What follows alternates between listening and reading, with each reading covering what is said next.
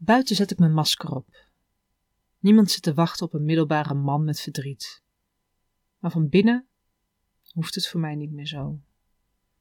Ik zal mezelf niet eens aandoen, maar als het zou gebeuren, dan is dat niet zo erg meer. Dan zou ik daar wel vrede mee hebben.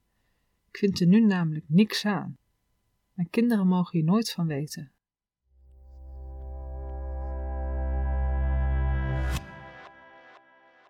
Over psychologie. Hallo, ik ben Mirella Brok, relatietherapeut en schrijfster. En je luistert naar mijn artikel Verdraag, ongewenst single zijn van psychologie.nl. Onbewust single zijn is soms veel zwaarder dan mensen openlijk durven toe te geven. In de herfst van 2019 ontmoet ik als relatietherapeut een record aantal mensen die gebukt gaan onder hun alleenstaande status. Mannen en vrouwen. Van jonge mensen in hun twintig tot wat ouderen in hun zestig.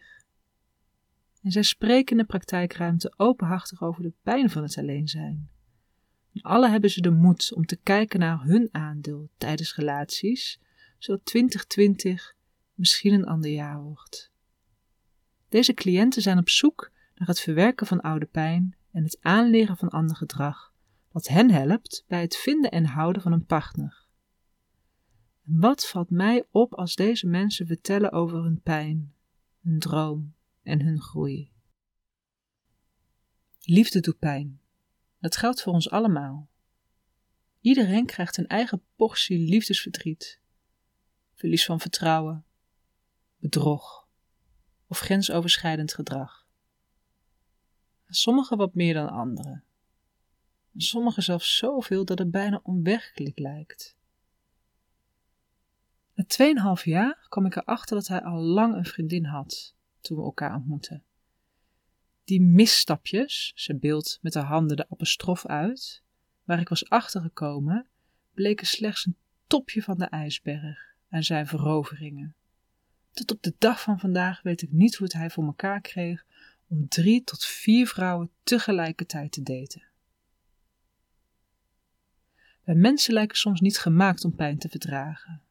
Het valt ook zo zwaar. Hoewel sommigen hele creatieve manieren vinden om met hun pijn om te gaan.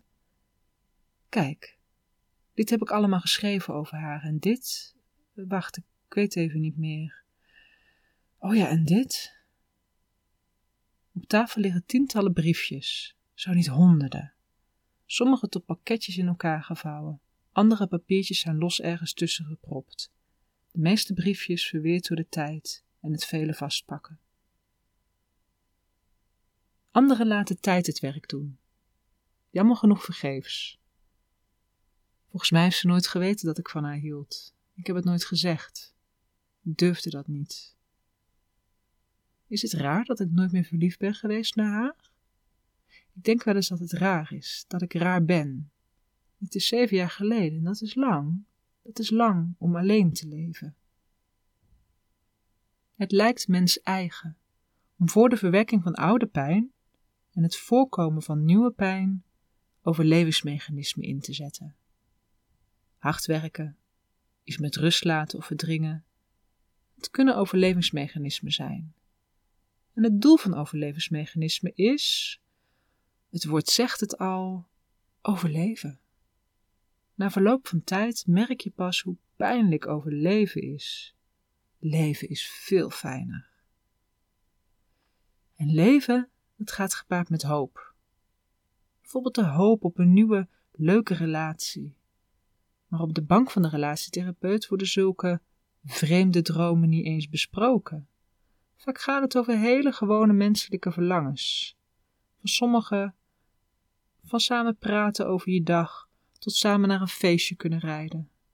Of dat als ik op een verjaardag kom, niet weer een oom begint over hoe lang het nou al duurt en dat het zo zeker voor mij wel in de rij staan, dat ik vast te kieskeurig ben. Een vrouw naast me zou me rust geven. Dan hoor ik erbij in de ogen van mijn familie. Bij hen is een relatie het allerbelangrijkste. Helemaal na mijn scheiding. Mensen die ongewenst single zijn, hebben vaak al veel geprobeerd. En soms lukt het nog steeds niet. De reden voor deze mensen om naar een relatietherapeut te gaan is om te zien wat er anders kan. Ze willen anders denken, anders voelen of anders doen. En ze zijn bereid om via de spiegel die de relatietherapeut is, te kijken naar hun ziel. Dat gebeurt simpelweg in een betrokken dialoog.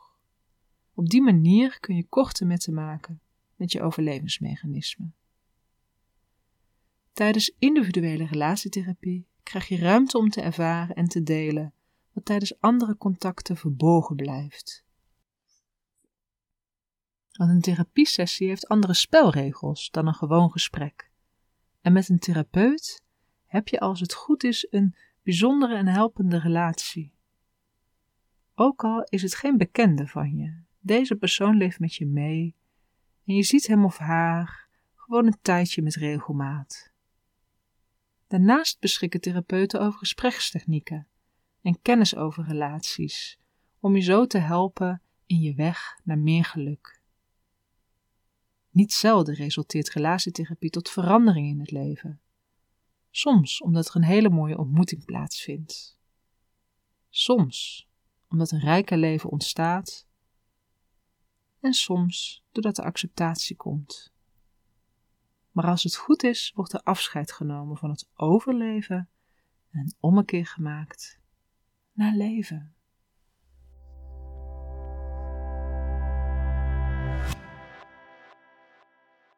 Over psychologie.